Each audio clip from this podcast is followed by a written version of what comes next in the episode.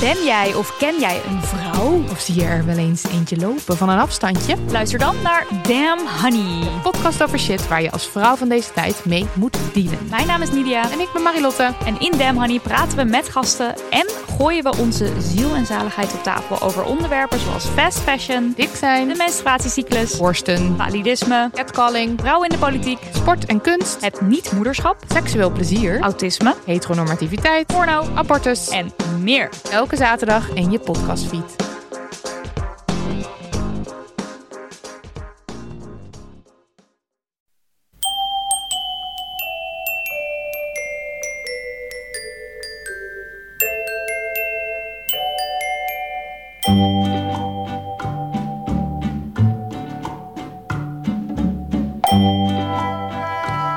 Welkom bij aflevering 392 van Echt Gebeurd, de podcast waarin mensen hun eigen waargebeurde verhalen vertellen. Deze week een verhaal dat Martijn Kallenbach in november vertelde tijdens een verhalenavond rond het thema Een veilige haven.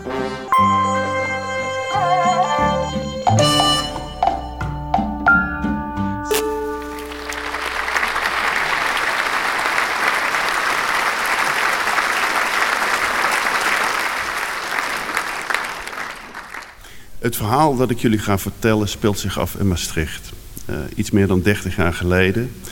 Ehm, ik was net klaar met de middelbare school. Het was een tijd van feestjes, maar ook een tijd van verveling.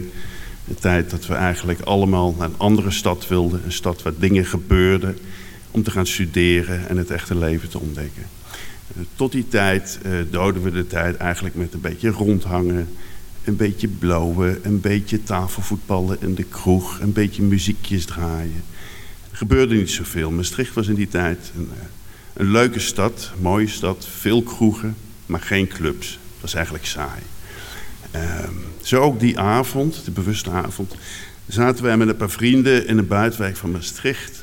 Lekker op een kamer, muziekje draaien, blootje, eh, een beetje ouwehoeren, een beetje fantaseren over wat allemaal kon gaan gebeuren. En onrust zorgde ervoor dat wij toch de stad in gingen. Ehm, normaal zouden we dat altijd op de fiets doen, of had iemand een brommer of een taxi. Maar deze avond zouden we met de bus gaan. Maar we stonden bij de bus altijd te wachten. En te wachten en te wachten. En eh, in plaats van de bus kwam er opeens een auto de hoek omzeilen. Hoge snelheid, piepende banden, grote auto, een Opel Senator, een beetje de, het, slagschip van Opel. En die auto die, die, die, die, die slipte bijna voor de bushalte, stopte die, het raam ging open. En eh, het eerste wat we zagen was een fles Jack Daniels. Die kwam meteen uit het raam en die werd ons aangeboden. Dus wij nemen alle drie een teug en eh, dat begon in ieder geval goed. En er zaten vier jongens in, vier mannen. Wij waren de jongens, dat waren de mannen. Die zaten in die auto en die vroegen waar de dockside was. En daar moesten we eigenlijk wel om lachen. Want de dockside die was helemaal niet in Maastricht. De dockside was in België, in Hasselt. De dockside was een enorme grote discotheek. En deze jongens die waren speciaal. Die hadden die auto gehuurd en die wilden een weekendje Maastricht doen. Maar die kwamen erachter dat er in Maastricht helemaal niks te beleven was. Want je had eigenlijk dus alleen de Veronica-boot. Die lag aan de Maas. En eh, dat was de enige club. En dat was eigenlijk ook heel oudbollig. Een beetje top 40, helemaal niet hip. En eh, dat, daar waren ze achter gekomen. Dus dat er eigenlijk helemaal niks te beleven viel. En toen hadden ze gehoord dat ze naar de dockside moesten. Nou, die jongens, die hadden, het was begin jaren 90, die hadden geen kaarten, geen navigatie, nog geen telefoons. Dus die waren verdwaald, helemaal in de buitenwijk van Maastricht. En dus waar is de dockside? En eh, dat wisten wij wel. Die was in België, in Hasselt. En eh, al gauw werd er besloten dat wij dan een stukje met hem mee zouden rijden. Naar de kruising waar de weg naar de dockside ging. En vanaf dat punt konden wij de bus de stad innemen. Want er was ook een punt, daar kwamen meer bussen samen. Dus dan hoefden we niet zo lang te wachten op die ene bus die in die buitenwijk eh, kwam. Dus wij stappen in en we gingen met z'n drieën op de achterbank zitten. Er zaten vier jongens, ze zaten met z'n vijf op de achterbank. Beetje zo. eh, En uh, we rijden richting het centrum van Maastricht. En dat ging al meteen best wel hard. 80, 90, 100, 120, 130 kilometer per uur. Gewoon door een woonwijk. En dat vonden we eigenlijk, dat vonden we in het begin nog best wel spannend. We wilden ook actie, hè? het was allemaal een beetje saai. Dus we dachten, nou, dit is wel lachen. En dus met die hoge snelheid kwam al heel snel die kruising dichterbij. Waar zij naar links moesten, naar de dockside. En wij de bus het centrum in konden nemen. Om daar gewoon in de kroeg een potje te tafel voetballen en een biertje te drinken. Uh, we komen dus bij die kruising aan en we geven ook aan, nou hier moeten wij eruit, hier gaan jullie naar links. En op een gegeven moment zegt die jongen die rechts voor zit, de lolbroek van het stel, dachten wij nog, die zegt, ze gaan mee, ze gaan mee. Dat vonden ze een leuk idee, ze beginnen te lachen. En ze rijden gewoon linksaf België in. En uh, vervolgens rijden we en wij denken, nou weet je wat, een beetje avontuur, why not, kom maar op. Maar die snelheid die ze al in de stad hadden, dat was nog niks vergeleken bij wat er daarna volgde. Want het was dus blijkbaar een V6 3 liter Opel Senator. Ze hadden het duurste, het chicste, het snelste spul gehuurd. Ze kwamen dus uit Den Haag, waren vier Indo's. Ze hadden daar een, een shoppie en ze hadden een tokootje. En ze hadden nog wat business waar wij niks van mochten weten. En wij gingen dus België in 160, 170, 180, 200, 210, 240 op een gegeven moment. Dwars over kruisingen, rood licht. Het leek een snelweg, maar dat was het niet. Het was twee baans, maar het was eigenlijk een soort pro provinciale weg. En op een gegeven moment, toen moest er geplast worden. Nou, toen werd er gestopt, ook eigenlijk midden op de weg. Dus ze stappen uit en uh, die jongens die gaan plassen. En eentje die staat te plassen. En een andere jongen, die komt op hem af. En die, ik denk, gaat hij doen? Hij neemt een aanloop, hij maakt een sprong met een soort flying low kick. Trapt hij zijn maatje van achter en één keer vol in zijn rug. Die jongen die klapt helemaal dubbel, die valt in de sloot staat weer op, loopt terug, geeft hem gewoon een hoek vol op zijn gezicht. Maar ondertussen blijven ze gewoon lachen. En, uh, en wij waren net, daarvoor waren wij, uh, want wij waren jochies en we wilden eigenlijk ook wel binkies worden. Dus wij waren op kickboksen gegaan, toevallig een paar maanden daarvoor. En wij stonden ook een beetje, een beetje laf. Uh, beetje, te schijnboksen, alsof het heel wat leek. Maar zij waren dus echt daadwerkelijk vol op elkaar in aan het slaan. Blijven lachen. Uh, we stappen weer in, ga je er verder.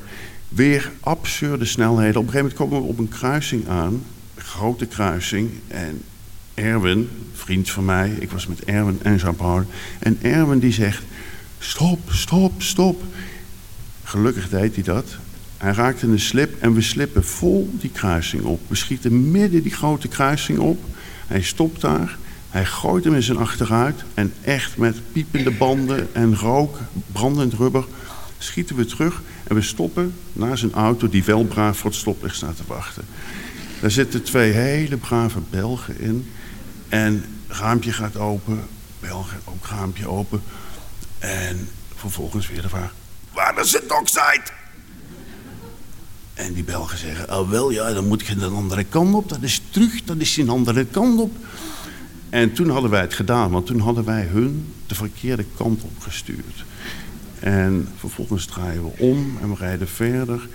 En op een gegeven moment gaat de bijrijder, die zit op zijn stoel...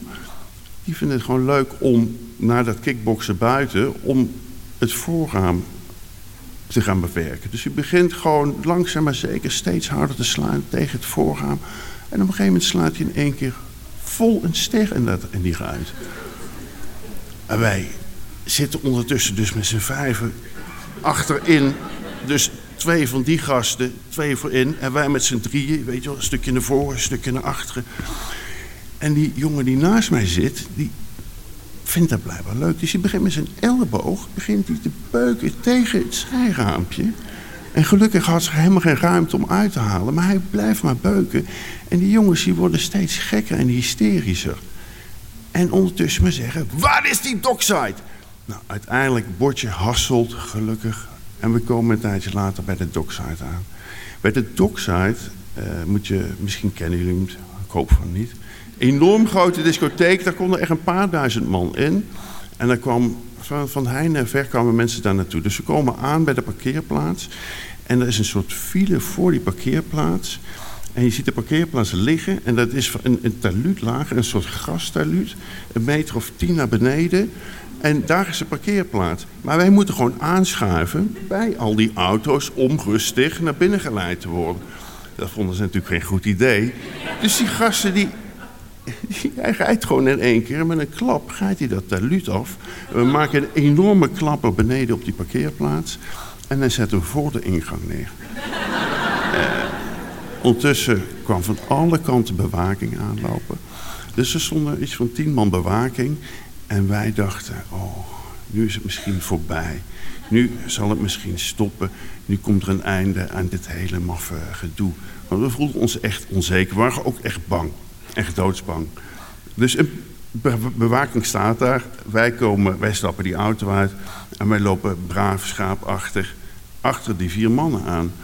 En ondertussen tegen elkaar zeggen: nu, nu wegrennen, nu, nu draaien. Misschien het lift naar Maastricht of de, of de nachtbus. Of wat moeten we doen? En ondertussen: nee, nee, ik ga maar mee. Het, komt wel goed, komt goed. En uh, die jongens die staan te soepatten met die beveiliging. En we denken: we komen natuurlijk nooit binnen. Vier Indo's uit Den Haag die met een klap het parkeerterrein op komen rijden. Dat gaat nooit gebeuren. Uh, wat blijkt, die jongens, mannen die maakten zoveel indruk, die hadden zo'n heftige uitstraling, dat de beveiliging zei: Kom maar binnen. Jullie hoeven niet in de rij te staan, jullie mogen gewoon naar binnen komen, gewoon meekomen. Dus wij lopen naar binnen en we staan dus in die dockside. En uh, wij moeten natuurlijk meteen allemaal drankjes halen: whisky, bako's, nog meer drankjes, peperduur. En wij staan daar en er is geen fuck te beleven. Het is gewoon een saaie club. En een half uur later zeggen ze van dat die dockside, dat is ook allemaal helemaal niks. Wat doen we hier? We moeten hier weg. Dus ze zeggen, we gaan terug naar Maastricht. Want ze hadden gehoord over de Veronica-boot. Daar hadden we dus ook meteen naartoe kunnen gaan. Hadden ze een boel onheil uh, bespaard. Vervolgens uh, rijden wij dus terug naar Maastricht. En dat ging binnendoor, over kleinere weggetjes. Uh, dus dat, zou wat sneller zijn en misschien iets minder snelheid. Maar dat was buiten de waard gerekend, want vervolgens gingen ze weer plankgas. En je moet je voorstellen, Limburg, een beetje op en neer, door al die dorpjes heen. En we rijden een dorpje in en daar komt een bocht aan. En we rijden met een kilometer of 80, 90 per uur. Rijden we met een klap tegen een huis aan. Niet frontaal, niet frontaal. We raken zeg maar in een hoek, raken we dat huis. Voorkant, achterkant. En we schieten zo in één keer de weg over naar de andere kant van de straat en belanden daar tegen het volgende huis. Uh, stilte in de auto, niemand had wat, rook, brandend rubber, van alles en nog wat. En na die stilte van de klap gaan overal lichtjes aan in die huizen, deuren gaan open, mensen komen naar buiten in een nachtjapon, pyjama, vragen Gaat het? Is er iets aan de hand? Wat is dat? Er is een ongeluk. Moeten we iemand bellen? Die mannen die stappen ook uit en die zeggen... Nu! Iedereen naar binnen. Als iemand belt, je gaat eraan. We pakken je. Nu naar binnen. Niemand gaat bellen. Iedereen stil. Terug je huis in. Dus dat was ook niet onze redding. En die auto die was eigenlijk totaal los. Maar hij reed wel nog, hij reed wel nog. Als ze een bocht om moesten, moest je drie keer het stuur omdraaien. Uh, er kwam stoom uit de, uit de motorkap. Eén uh, wiel liep aan, verschrikkelijk lawaai. En ondertussen gaan we dus heel rustig rijden we naar Maastricht. Maar er was enorme schade. Er was een ster in de voorraad geslagen. De voorkant was weggeslagen, de achterkant. Die auto die was gewoon, die had schade van duizenden euro's als hij niet totaal los was. Um, er werd een boekje gepakt, ze hadden die auto gehuurd. Want ze wilden eigenlijk wel weten wat hun dat zou gaan kosten. Eigen risico. Eigen risico was 750 gulden. Um, en wij waren met z'n drieën, zij met z'n vieren. En de rekensom was snel gemaakt. Dat is dan 250 pp voor ons. Dus vervolgens gingen wij naar uh, Maastricht reden we binnen. En we moesten op zoek naar pinautomaat. Die had je toen nog niet heel veel. En we stoppen bij pinautomaat. En we werden begeleid naar de pinautomaat. Trek je pasje maar. Hoppakee, geld eruit halen. En we moesten ieder 250 gulden aftikken.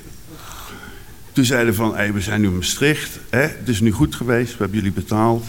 Laat ons gaan. Maar dat vonden ze nog steeds niet goed. Nee, we moesten mee naar de Veronica-boot. Want dan zouden wij een drankje van hun krijgen.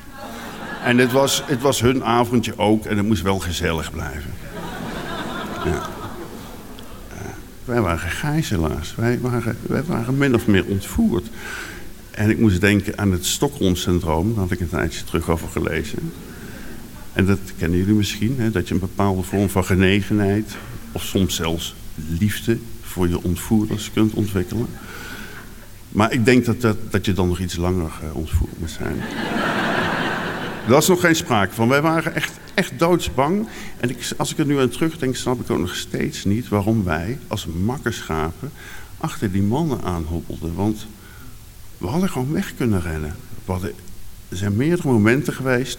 was onhandig geweest. Eén moment sta je ergens in een weiland, moet je wegrennen. Ander moment sta je bij de dockside, moet je wegrennen. Maar je kunt gewoon wegrennen en je kunt gewoon een vlucht nemen. Dat hebben we dus niet gedaan. Dus vervolgens gaan we naar de Veronica-boot en we zijn nog steeds gegijzeld. En op dat moment zag ik een paar Molukse jongens staan. En die kende ik toevallig van de Gin. Dat was een kroeg van Molukkers. En er waren veel Molukkers in Maastricht. En ik zag dat als mijn redding. Ik kende die gasten een beetje. En ik ben naar een van die mensen toegegaan. En gevraagd of ze ons alsjeblieft wilden ontzetten. Als we hun een paar drankjes zouden geven, die moeilijk, dan zouden zij dat voor ons doen. Na wat gesoepeld over een weer, eh, kregen wij uiteindelijk carte blanche. En mochten we eindelijk naar huis. En ik denk dat dit het antwoord was op de vraag die vanavond heel veel is gesteld. Wanneer zou je het liefst, had je het liefst naar huis willen gaan? Dat was dit moment. Dank je wel.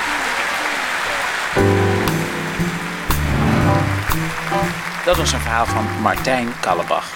Hij vertelde het tijdens de speciale verhalenavond die we in november jongstleden organiseerden in het Oude Luxor Theater in Rotterdam. Zijn kinderen zaten in de zaal en hadden het verhaal nog nooit gehoord. De redactie van Echt Gebeurd bestaat uit Paulien Cornelissen, Tom van Rooyen, Renette Kwakkenbos en mijzelf, Micha Wertheim. Productie Hanne Ebbingen, zaaltechniek Ido Koppendaal, podcast Gijsbert van der Wal. Dit was aflevering 392. Vergeet niet om je maat wat vaker vol achter in zijn rug te trappen.